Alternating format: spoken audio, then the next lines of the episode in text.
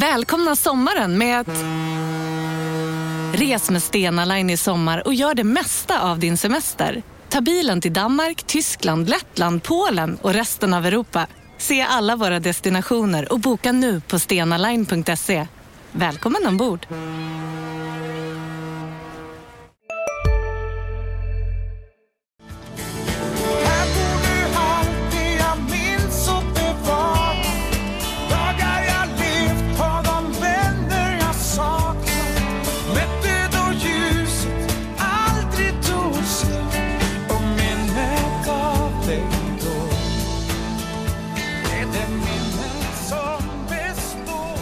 Vi drar igång avsnitt 7 av GIF-podden och det är ju ett historiskt avsnitt för med oss har vi en tredje person. Och det är ju inte vem som helst. Eh, vill du presentera dig själv? Ja, Urban Hogblom, sportchef GIF Sundsvall. Mm. Och det känner vi kanske till vid det här laget. Och som vanligt så har vi med mig, Lukas Salin. Och mig, Oskar Lund. Ja, de dynamiska. Tre. Som nu har eh, ganska kort tid på sig, så vi ska, eh, vi ska gå rakt på sak. Och ja, Oskar, det här kanske är i, i din ände av eh, frågespektrat. Ja, Eller? det, så kan det vara. Ingen och småprat, utan vi bara... Vi kör rakt på. Pang på. Okej, då börjar vi där. Eh, Det är silly season-tider och eh, Juha Pirtioki tror jag att man säger. Vi har haft problem med många uttal här. Ja, är det här season. perfekt Var det rätt Urban? Det var ett bra uttal om du är det från Finland.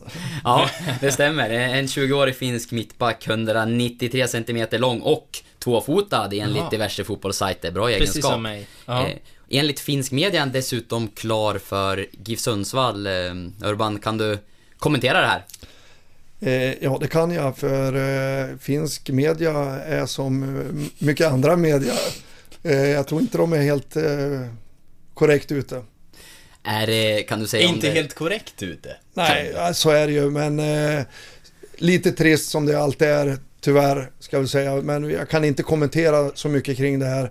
Vi är i en spännande förhandling med ett stycke mittback.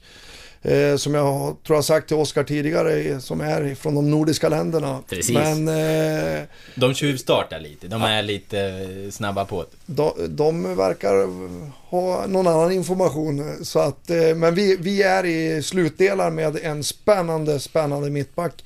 Och eh, ja, i slutet på den här veckan så tror jag att eh, vi kommer att vara i mål. Ja, eh, ni får ju tolka det där svaret och hur ni vill, eh, Lukas. Ja. Jag tror nog ändå att, eh, även om finsk media kanske har fel just idag, så kan de ha rätt i slutet av veckan. Ja, jag har skrivit upp en sak om dig Urban som jag kände att jag, jag måste fråga dig om och eh, jag anade att ordet spännande skulle komma upp. Eh, jag anar även att ordet dialog, utveckling, utifrån och förutsättningar kommer dyka upp. Du har ju lagt dig till med ett sportchefs vokabulär. Hur medveten är du om det här? Jag, jag har faktiskt, tror jag, tyvärr börjat bli det för att eh, vi har personal hos oss som eh, de kan skriva mina citat innan jag ens säger dem. Så att eh, du är nog inte så fel ute. Jag saknar faktiskt, du har inte pratat om optimalt än. Nej, inte optimalt, jag missade den. Ja, ja det var... En optimal utvecklingsmiljö. Precis. Ja, precis. Och det är det vi ska skapa i Giffarna. Mm. Men hur medveten är du om det där? Eh, nej, jag är inte så medveten. Det, det sker nog bara utav ful ovana eh, från min sida. Eh, så upplever jag det. Ja, är även vid sidan om fotbollen, hemma i köket och... Ah, i- ett, lite grann kan det nog vara så tyvärr. Men eh, jag tror att jag, det är mera i, i yrket som det blir liksom när man kliver in i en roll här. Och Mm. jag tror att jag är lite trevligare och, och bättre att prata med hemma. Mm. För man, man kan ju tänka sig annars att det, det flyter ihop mycket. Det känns ju som att du är en dygnet runt arbetare konstant med, i, mobiltelefonen får jag känslan av. Hur, hur stor del av dygnet går in på? Ja men så är det ju, eh, kan man säga, tyvärr med yrket. Men samtidigt så finns det ju sådana förmåner med ett yrke där man får jobba med sitt absolut största intresse. Och då blir det ju också tid eh, som kanske då stör familjen och, och övriga livet förutom yrket som gör att man, man är ju tillgänglig nästan till 24 timmar om dygnet och med dagens teknik så, så blir det ju så. Och då kan det ju vara lite stökigt ibland. Det kan vara festligheter och det kan vara semestrar som många kan uppleva. Men jag står ute någon annanstans och i telefon jag, och förhandlar. Jag, jag har stått på beacher i Thailand och jag har varit och firat min mor när hon fyllde jämnt här. Och då stod jag ute på en klipphöla ute i Åland och, och förhandlade. Så att, eh, men de, de är vana kan jag säga. Så att eh, så är det väl.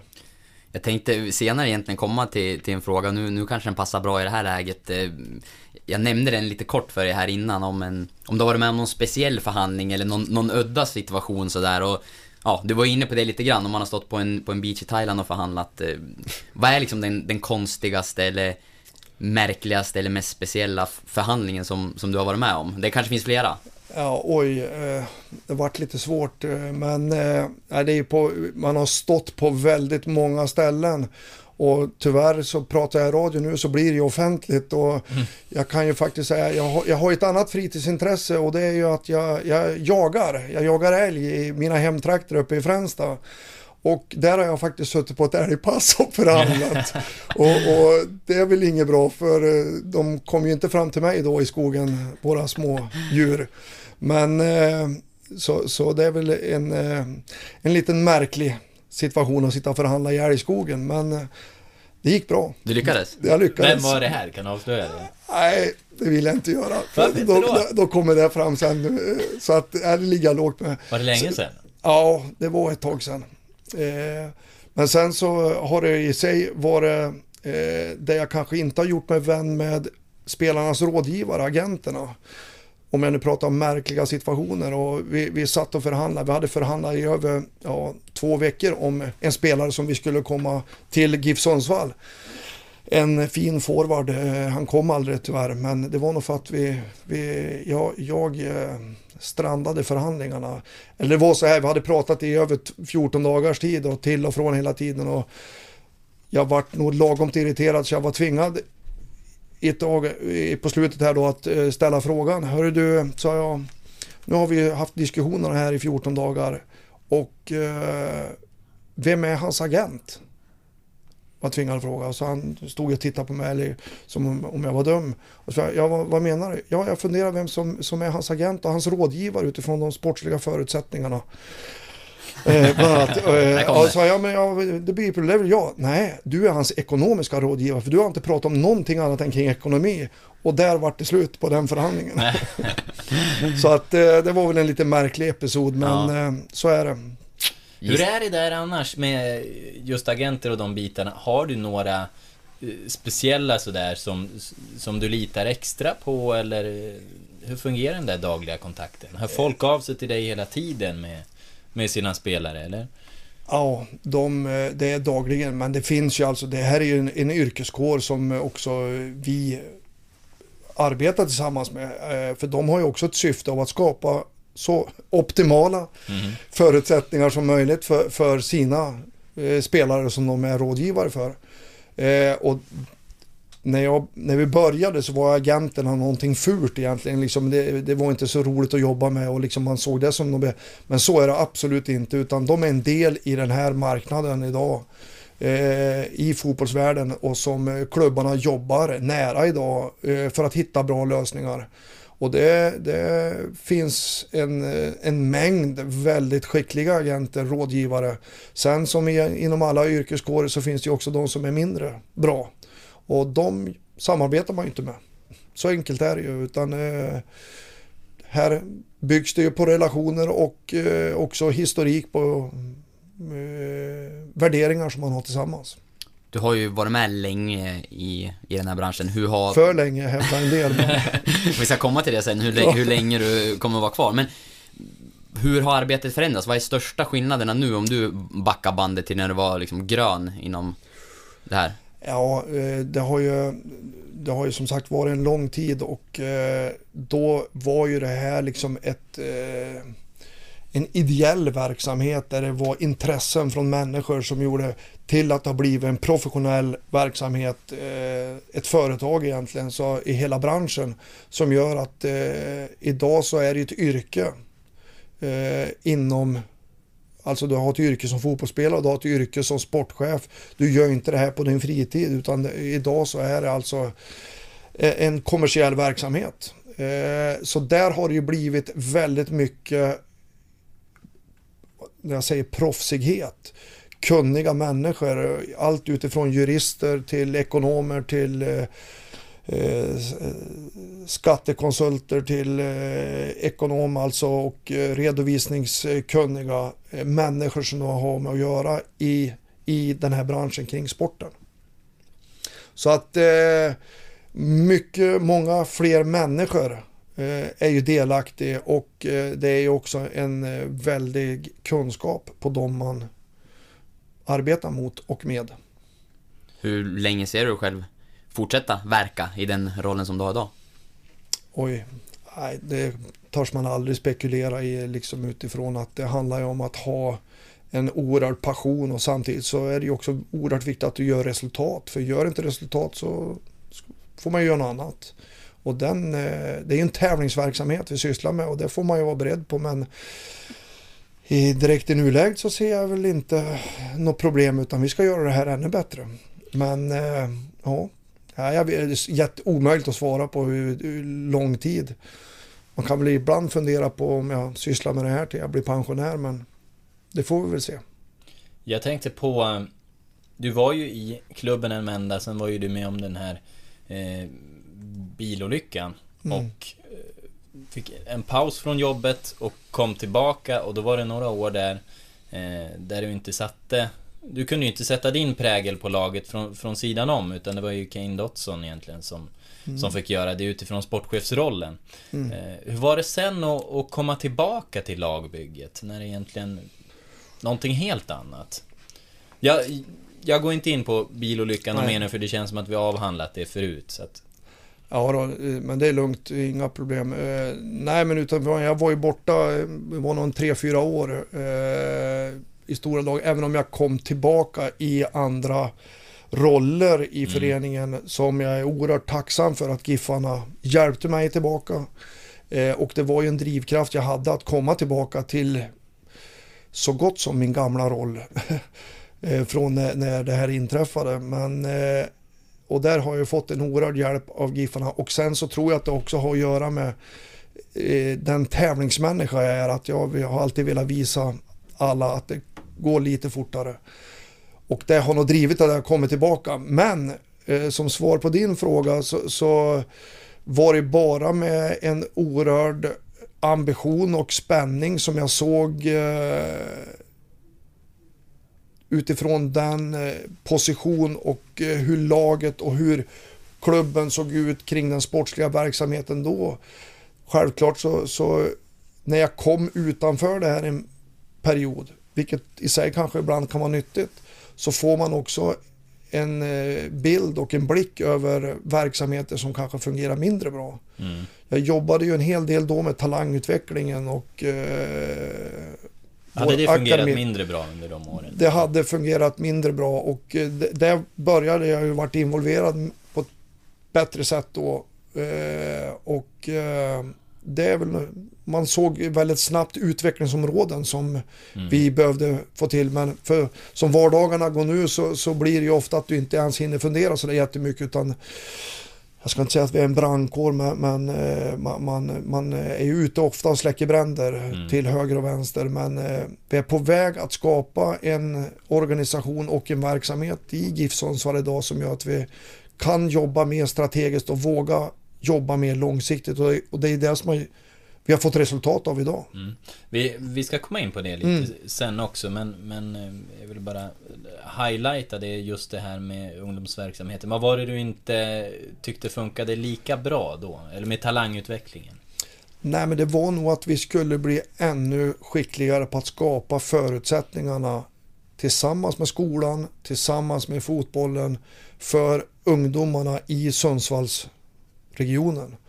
Eh, sen finns det ju alltid förutsättningar att vi kan skapa en sån verksamhet som gör att vi blir attraktivt för andra ungdomar i andra kommuner att Mm. söka sig hit när det är dags för gymnasieutbildningar med mera.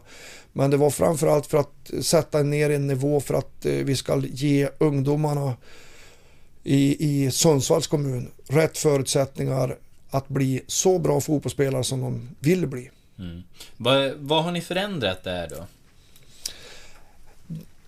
Det har nog varit att en tydlighet på liksom en utbildningsplan, alltså allt utifrån när vi börjar i GIF Sundsvalls verksamhet när de är 6-7 år och utifrån hur vi ska skapa en elitförberedande utbildning som gör att eh, de står så bra röstade de kan bli när de börjar komma upp mot 15-16 år. Eh, men det är också utifrån eh, det jag tror det var det viktiga, det var egentligen att börja se bort ifrån åldrar och se på lagerna i deras respektive åldrar. Men självklart så byggs många ungdomslag kring åldrar och eh, P9, P10, P11 och så vidare kring kamratskap och kring skolor, klasser man går i, i en kamratskap. Men sen så när man börjar komma upp ifrån inledningsfasen upp mot liksom 11, 12, 13 år. Att våga titta på individen. För det gjorde man inte. Man tittade på lag och ung, respektive lag och tittade på utvecklingen där.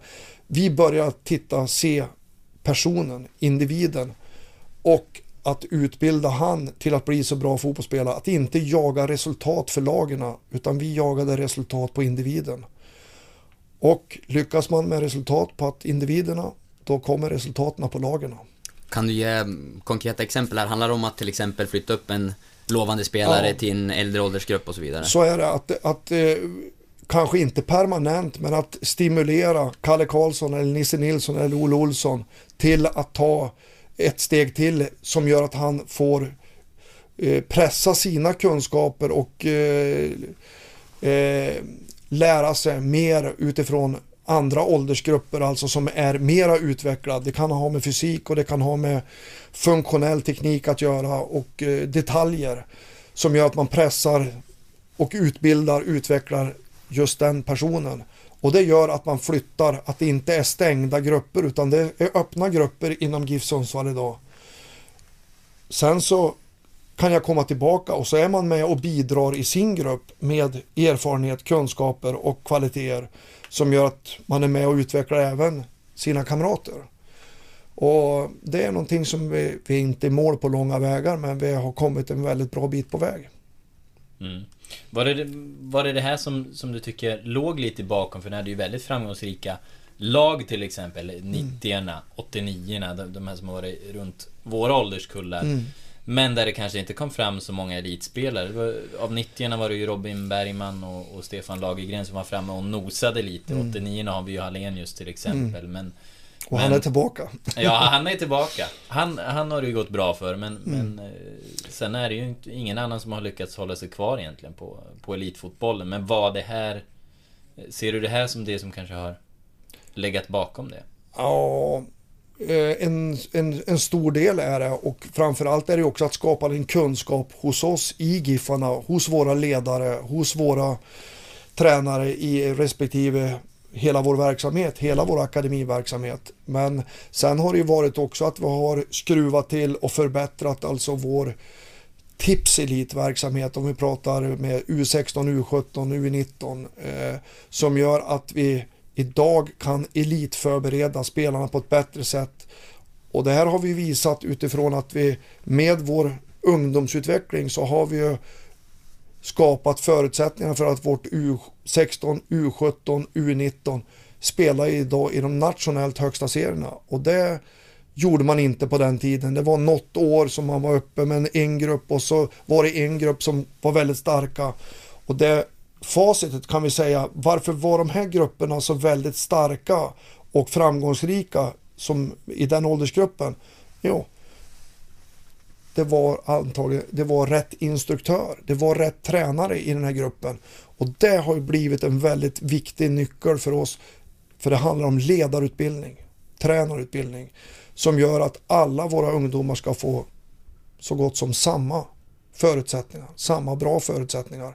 Det handlar inte på att min pappa ska ha, vara en duktig ledare och så just den åldersgruppen vart väldigt framgångsrik. Och, och det kunde man se historiskt men nu så är vi på väg att skapa de grupperna varje år. Sen så har vi mycket att jobba med fortfarande. Så eh, det får inte bli så att ni tror att jag är nöjd på något vis. Utan det här är någonting som vi ska fortsätta göra ännu bättre. För vi, vi fostrar många. Man kan ju säga senast i, i, i fjol så var det ju ändå sex egna produkter som debuterade i svensk elitfotboll. Eller debuterade som spel, representerade GIF Sundsvall i svensk elitfotboll. Och det är inte så många klubbar som har gjort det.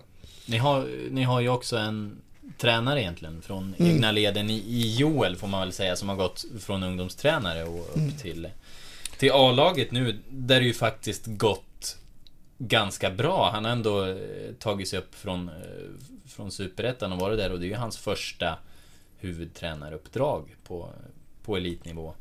Så vad, vad säger du om hans utveckling? Vad är det som gör att han är så bra? För det får man väl ändå säga rent utifrån facit. Han är bra. Objektivt. Absolut, det har ni gjort helt rätt bedömning.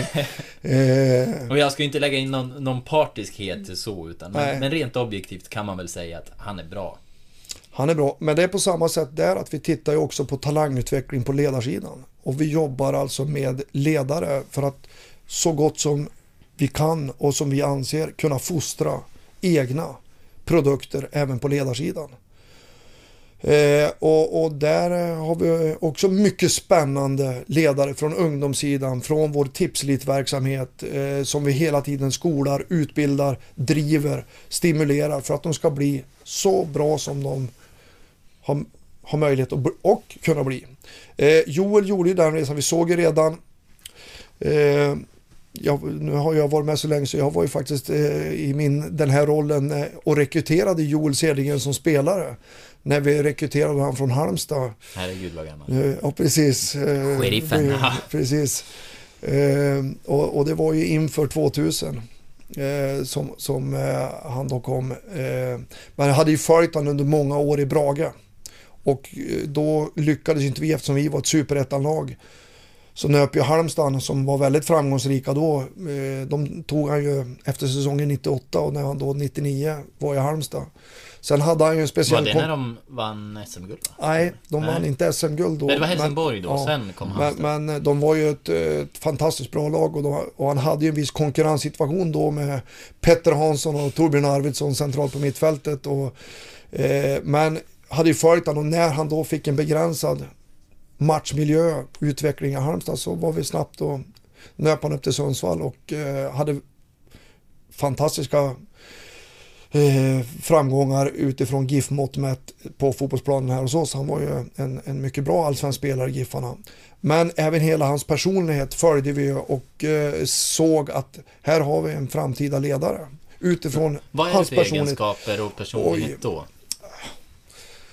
Eh, man ser ju inte kanske exakt i eh, detaljer kring instruktioner och sånt där men det har med en personlighet och ett ledarskap även när man spelar som gör att det är intressant att följa en sån spelare och se om man kan ha en fortsatt framtid som ledare.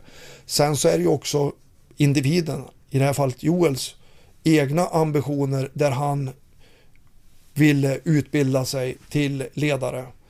Du ser ett driv ofta i de här människorna på att liksom, det här är någonting som de är väldigt, väldigt intresserade och passionerade av.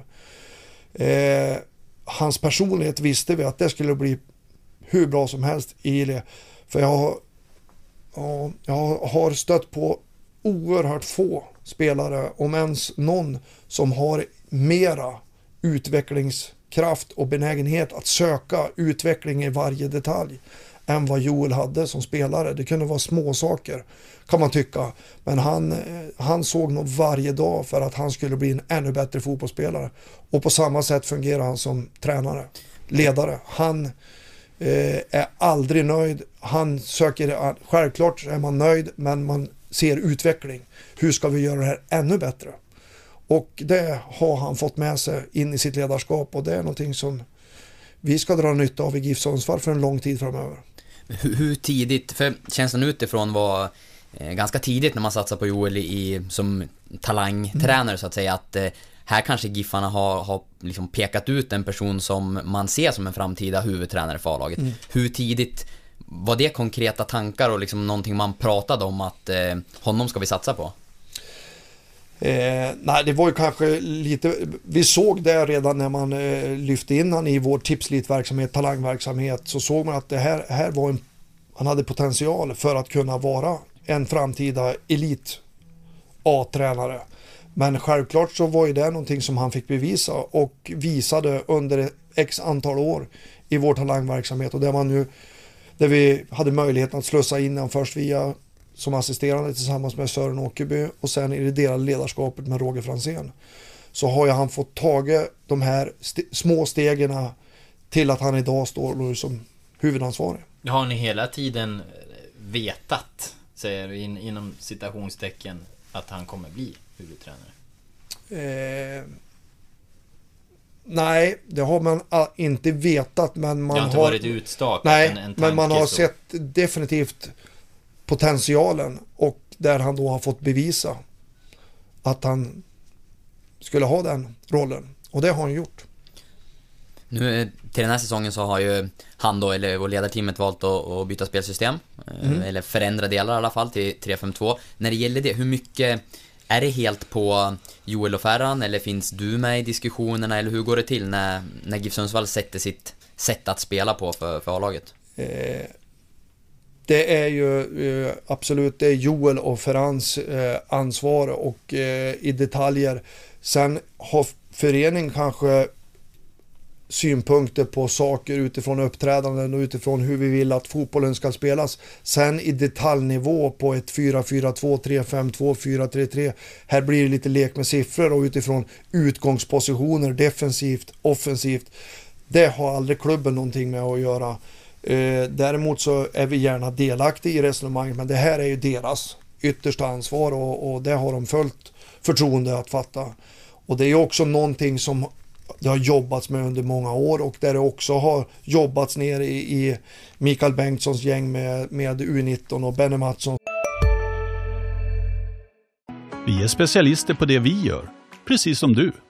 Därför försäkrar vi på Swedea bara småföretag, som ditt. För oss är små företag alltid större än stora och vår företagsförsäkring anpassar sig helt efter firmans förutsättningar. Gå in på swedea.se företag och jämför själv. I de sekunderna när jag är i luften så är det en kamp på liv och död. I Spotlights serie Vinnarskallarna minns stjärnorna själva de dramatiska svenska sportögonblicken. Hör Anja Persson berätta om när hon kraschade i OS-backen men reste sig igen. Jag ville vinna över berget. Vinnarskallarna, nytt avsnitt varje fredag. Sök efter podden Spotlight. med U17 så, så har ju tränarna en dialog de tillsammans utifrån att förbereda våra talanger på vårt sätt att spela. Och det är som du säger, det, det, det är inte man kan lätt snabb fara med de här siffrorna 3-5-2, 4-4-2 men tittar man hur vi såg ut offensivt i vårt spelsätt 2016 så var det ett mera 3-5-2 system som vi spelade.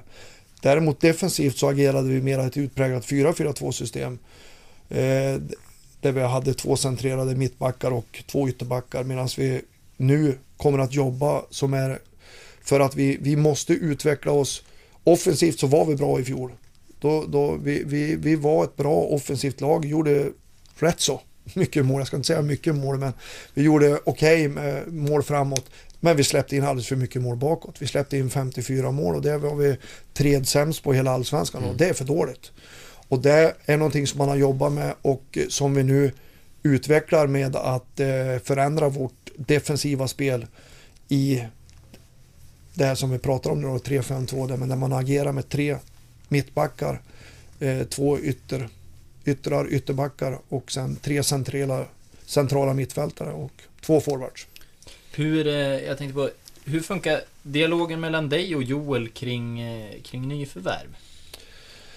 Eh, dialogen, eh, där sitter jag till syvende och sist ytterst med ansvaret men här har ju vi självklart en väldigt noga dialog utifrån kvaliteter och eh, egenskaper som spelaren som vi önskar ska in i laget som ska ha. Så Joel Ferran är ju mycket med i det här resonemanget. Nu kom ju Ferran med in sent.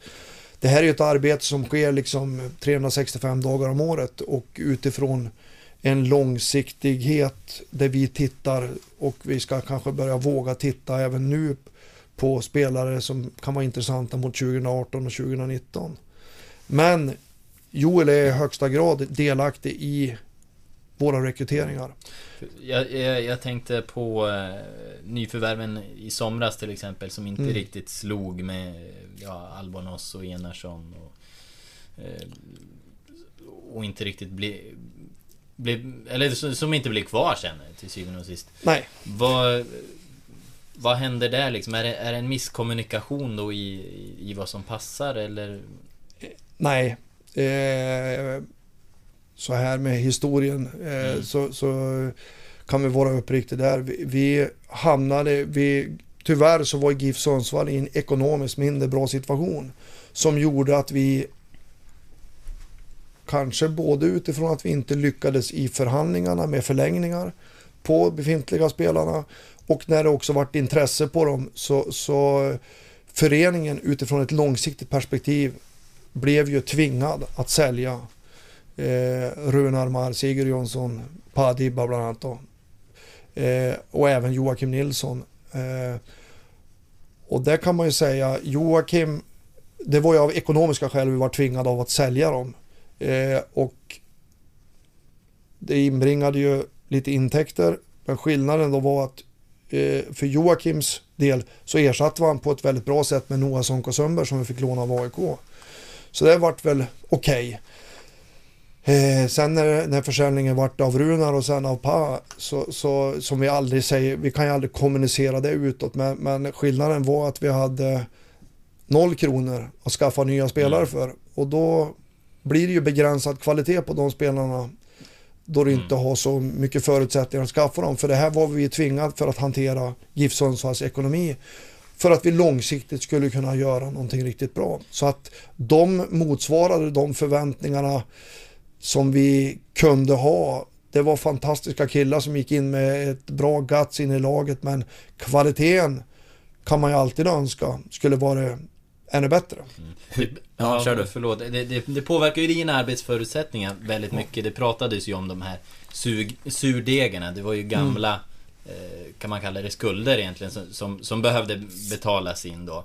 Ja. Och, och därför blev det ett nollsummespel till slut. Fast Mm. många trodde att, att det var många miljoner där som, eh, som kom Giffarna till godo och bara värva för. Men, men så var det ju inte. Men Miljo- tänker- Miljonerna vart till gang för GIF Sundsvall. Ja, så är det, för är det. resultatet. Men eh, brusade du upp någon gång på den här eh, gamla ledningen som egentligen tagit de här eh, besluten tidigare?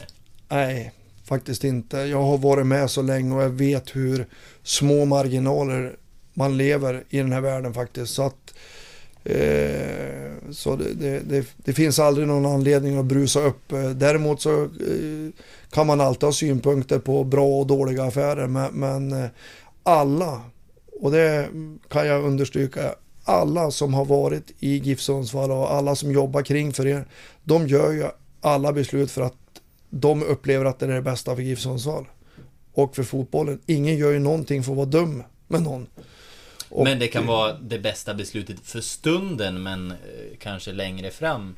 Så kan, nej, men, nej, men så kan det vara. Men, men det är ju ändå några som sitter på ett ansvar och ska fatta de besluten. Och sen så vet man ju aldrig om det blir rätt eller fel. Men eh, förhoppningsvis så ska det bli rätt. Sen så tyvärr så kanske inte vi kan gå ut offentligt att hela tiden prata öppet och ärligt om eh, den här typen av beslut eller Mm. varför eller så här blev det därför att. eh, Så att eh, vi, vi, man får försöka vara lite försiktig för att inte skapa irritation eller oro och så hoppas att det ska falla väl ut ändå. Mm.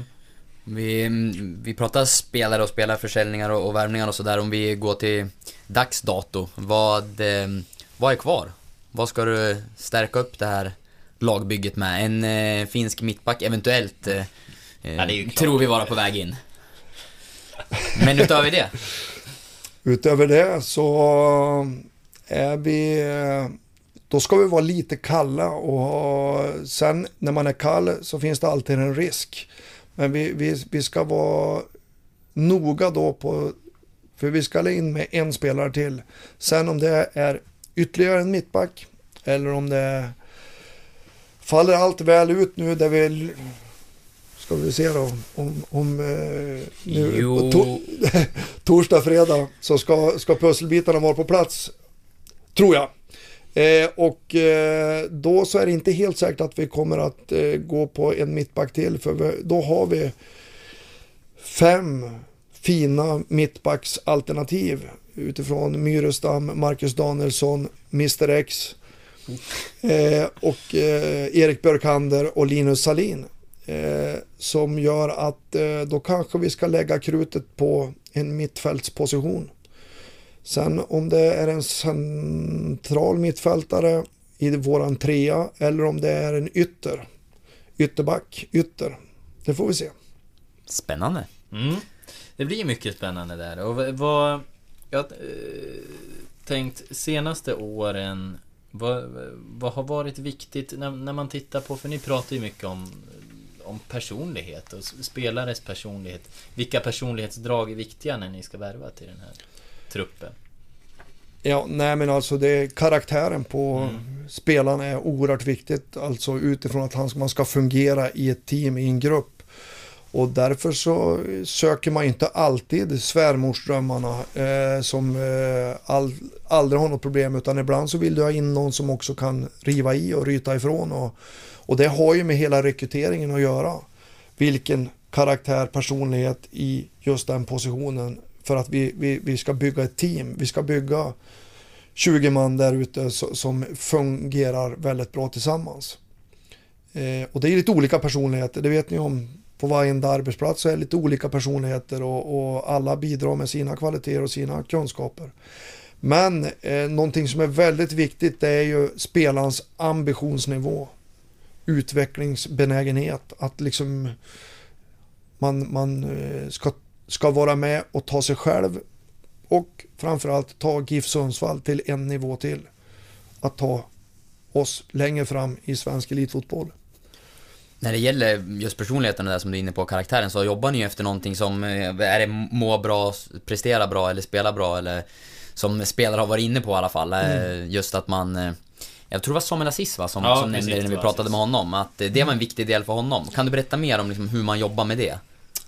Ja, nej men det, det är ju väldigt viktigt för oss för vi har alltid tyvärr kan man säga vetat att vi, vi är inte den ekonomiskt starkaste föreningen i allsvenskan i, i Sverige här. Utan vi måste vara skickliga på andra saker än bara pengar. Och det är att ta hand om våra spelare, ta hand om våra anställda eh, eftersom det är ett yrke då. Eh, och då handlar det om att eh, mår man bra, då presterar man bra. Eh, mår du mindre bra, sen kan, om det har med familjen eller om det har med socialt eller eh, flickvännen är ingen rolig eller eh, det kan vara allt utanför fotbollen. Eh, då gör vi allt vi kan för att eh, spelaren ska må bra och så får vi hjälpa dem på de områdena för de kostar inte några pengar. Utan där ska vi som medmänniskor vara med och hjälpa till att det här blir så bra så att har vi 20 spelare som är utanför no, ursäkta jag säger nu fortfarande Norrporten Arena så, så, så, som eh, mår bra, trivs eh, och är oerhört nöjda med sitt liv och sin utveckling. Då finns förutsättningar för också att prestera väldigt bra inne på banan. Har det är vi som- helt säkra på. Har du som sportchef fått gjort någon eh, annorlunda brandkårsutryckning där? Jag tänker någon spelare som, ja, dels kanske inte har mått bra, men annars om det har funnits praktiska saker. Eh, ja, vad kan det vara? Skotta en eh, garageuppfart Bygga eller... ihop en Billys bokhylla, det tror Till jag exempel. någon, någon hockeysportchef som fick göra. Men det var hockey. Det var hockey. Nej, då, ja, genom åren så har det varit många olika varianter. Eh, allt utifrån att jag har varit eh, iväg som, jag tänkte nog säga skyddsvakt nästan för att det var eh, mindre roliga aktiviteter där jag fick hämta en spelare och eh, åka iväg med han för det var lite stökigt. eh, kring hans eh, totala situation som gjorde att eh, han var indirekt hotad. Eh, och, men det fick jag lösa. Och sen så har man ju varit flyttkarl några gånger. Så att, eh, men det är väl vanligt egentligen när man hjälper till. Men det har, har att göra med att man snabbt ska se till att spelarna mår bra och att de trivs bra och de kommer in i Sundsvall på ett fantastiskt bra sätt. Eh, jag kommer inte på så mycket annat eh, extra roligt som jag, men jag kanske kommer fram till det snart. Jag börjar bli gammal så jag blir glömsk. Man, man blir ju nyfiken på, på den där spelaren såklart. Du kanske vet inte hur mycket du Eh, kan eller vill säga, men eh, hur, gick det och sådär? Eh, det gick bra för han och han, vi fick bort problemet som vi då också hjälpte till med och vi, han presterade så bra i vår miljö så att han vart allsvensk sen. Vi var inte allsvenskan då, det här är länge sedan.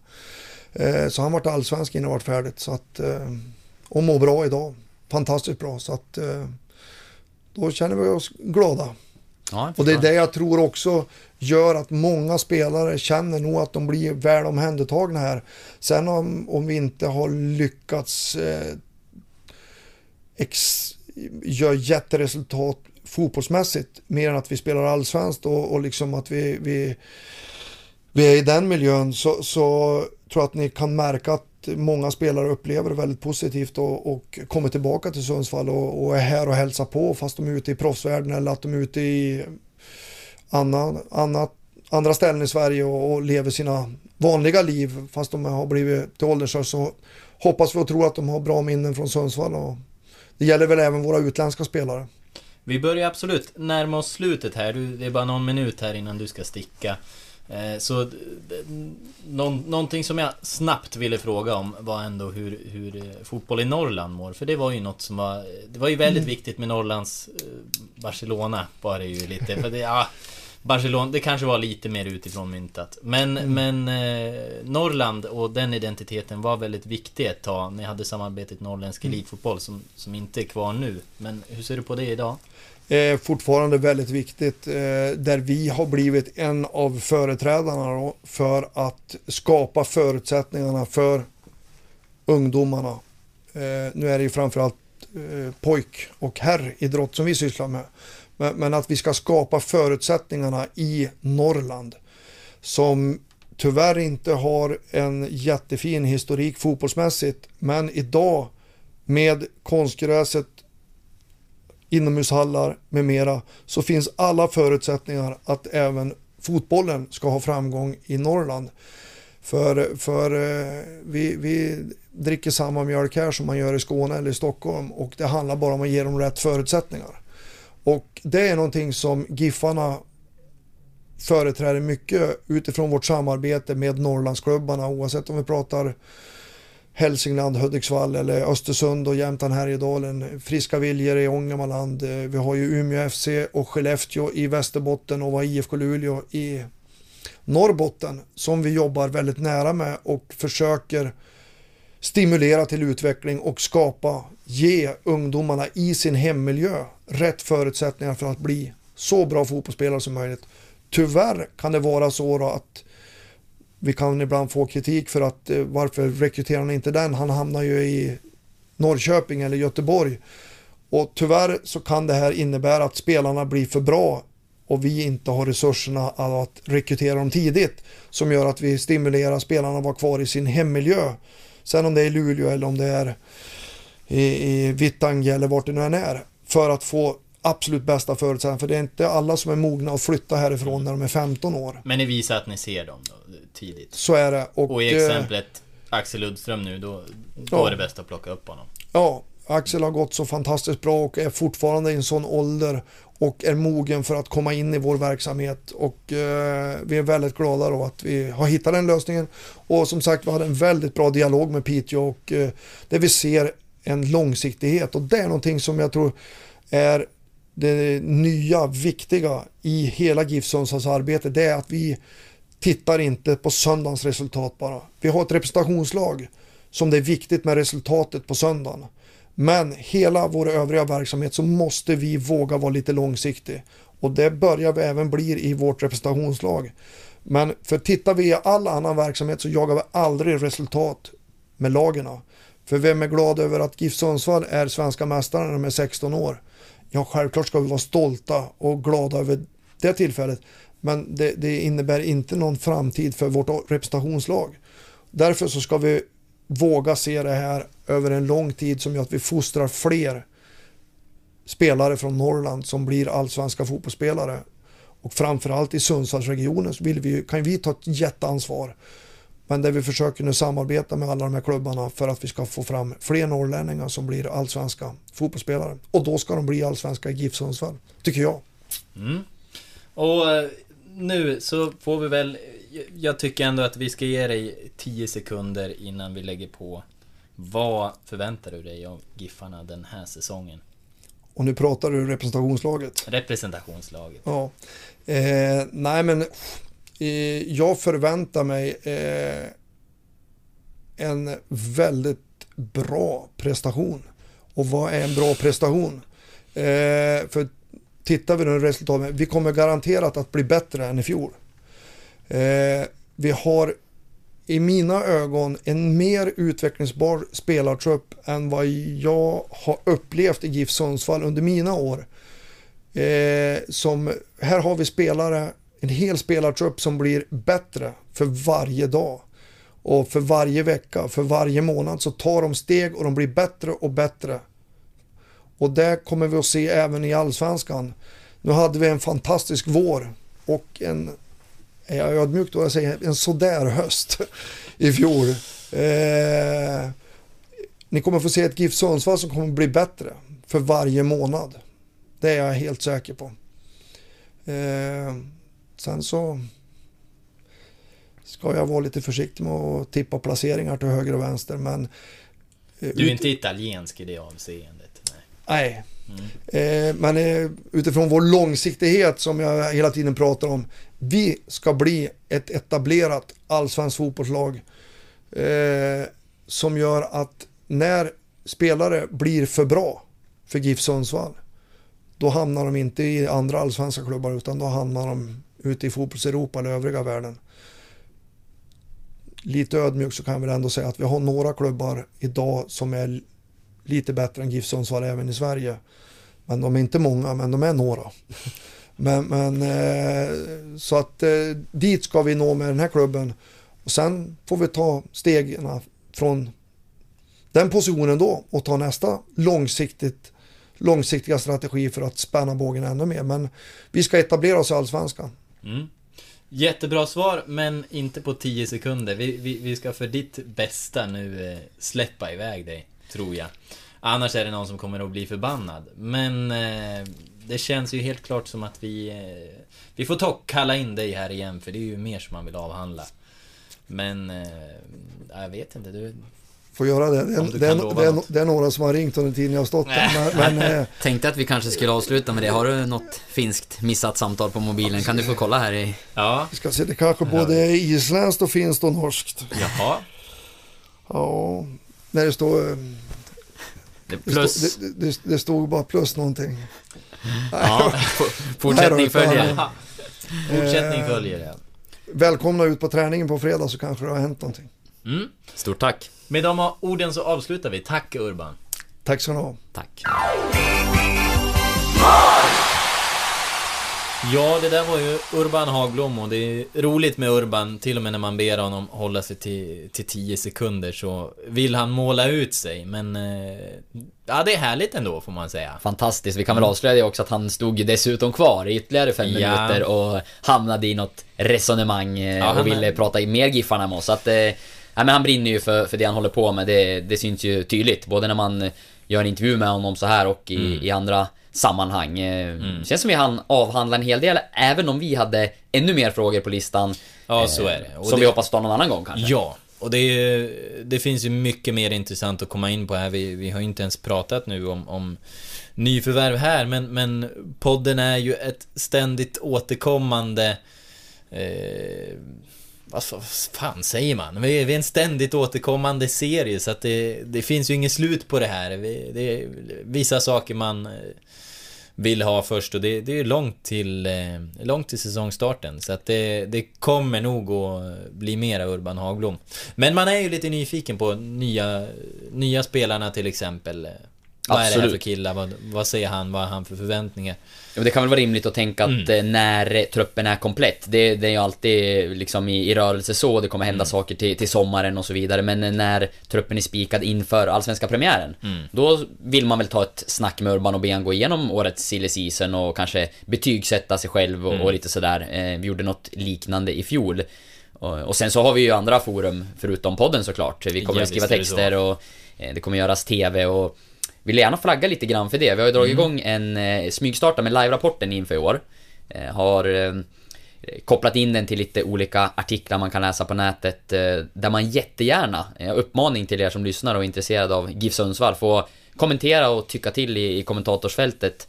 Tanken är ju att den här live-rapporten ska leva under hela säsongen, inte bara vid matcher som det har varit tidigare, utan vi ska live-rapportera från träningar när vi är där och eh, vi ska skriva om nyheter och, och länka artiklar och vi vill jättegärna ha en dialog, för det blir så mycket roligare och bättre innehåll om det, om det pågår diskussioner där. Så att eh, jag och eh, du och alla andra som jobbar med GIF Sundsvall på något sätt kommer försöka vara aktiva i den där live-rapporten. Ehm, och så var gärna med, helt enkelt. Häng på när vi är på träningar och när vi är ute och åker och, och när vi skriver om nyheter och tyck till. Eh, Får gärna komma med förslag till vad vi kan snacka om i podden, även där i kommentatorsfältet, för att eh, vi håller koll och har en dialog med er där. Så är det. In och kör bara. Och eftersom vi hade ett intervjuavsnitt den här gången så får vi skjuta på allt eh, det ordinarie till nästa vecka. Så då blir det hatten och läxan och allt vad det är. Ehm, Minns du läxan? Jag minns läxan. Jag ska ta fram tre, eh, jag höll på att säga norrländska, men, men allsvenska musiker. Jag tror att det var allsvenska. Eller om det var fotbollsspelare överhuvudtaget. Ja, vi men, tycker vi eh, begränsar oss till allsvenska i ja, så fall, om det var så ja, att vi inte gjorde jag- den jag- tidigare. Jag tror garanterat att jag kan hitta dem inom allsvenskan i alla fall. Men så är det med det. Helt enkelt. Och då får vi väl även komma in på mer då med säsongens första träningsmatch som ju var i helgen mot eh, Sirius och eh, då kommer det väl ha hunnit spelas någon mer här i helgen. Eh, vad har man nu? Är det Levanger nu i Stämmer helgen? bra. Mm, I Ljusdal. Ja, så att eh, vi kommer ha en, ytterligare en Där de träningsmatch. möter Lloyd Saxton. I Precis. mål och Magnus Powell på tränarbänken. Ja, att det blir blir spännande. lite bekantingmöte. Jag, hopp, jag kommer tyvärr inte kunna se den här eh, träningsmatchen. Jag är bortrest över helgen och, och kommer inte under den tiden att ha möjlighet eh, att se. Jag får försöka se den i efterhand om det går. Jag tror Ja. att den kommer sändas Jag eh, på att, något sätt. Jag hoppas att Simor levererar lite. Jag hade ju det här problemet i helgen också. Jag eh, vill ju se Giffarna Sirius, men min dotter döpte så jag fick väl ta det före. Ehm, men, ehm, ja. Jag eh, hittade ingen eh, repris på den sen heller. Jag har ett sånt här Simor Play-konto. Tycker man att de kan bjussa lite mer? Det skickar vi en liten känga till Simor tycker jag. Skicka ut repriserna. Så gör vi på mitt media i alla fall, när vi livesänder. Men, ja, upp till er hur ni vill göra. Jag ska säga det också att ehm, eh, det, jag vet inte hur mycket jag får säga om det här men jag gör det väl ändå. Det finns ju diskussioner även från mitt medias håll att försöka sända matcher med GIF Sundsvall. Vi sänder ju eh, en del andra lag. Östersund vet jag att man har fått eh, rättigheterna till någon match. Och det är väl matcher som Simor ändå inte Nej men precis, sänder. det är väl så att Simon har, har rättigheterna till, till träningsmatchen. Nu ska inte jag gå in i, i eh, exakt hur allt ligger till, jag har inte koll på det. Men i grunden tror jag att Simon har rättigheterna till Allsvenskans träningsmatcher. Mm, eh, men att det, det finns ju någon form av samarbete eller deal där som gör att Mittmedia kan, kan sända eh, matcher som Simon inte kör. Och jag tror inte att det är bestämt hur det blir till helgen, så att det Mm. finns en möjlighet att eh, det är vi på Mittmedia som sänder den också. Eh, blir det så så kommer vi såklart flagga upp för det i våra kanaler så att ni har koll på det. Ja. Eh, på något sätt så Men ta det inte del för givet och avboka inga dop än så länge utan vänta tills vi, eh, tills vi stormar ut med det beskedet i så fall. Om det nu skulle vara så. Precis. Mm. Men med de orden så kanske vi ska tacka för oss helt enkelt Oskar och för den här veckan. Det gör vi. Vi kommer tillbaka. Var så säkra. Jajamän!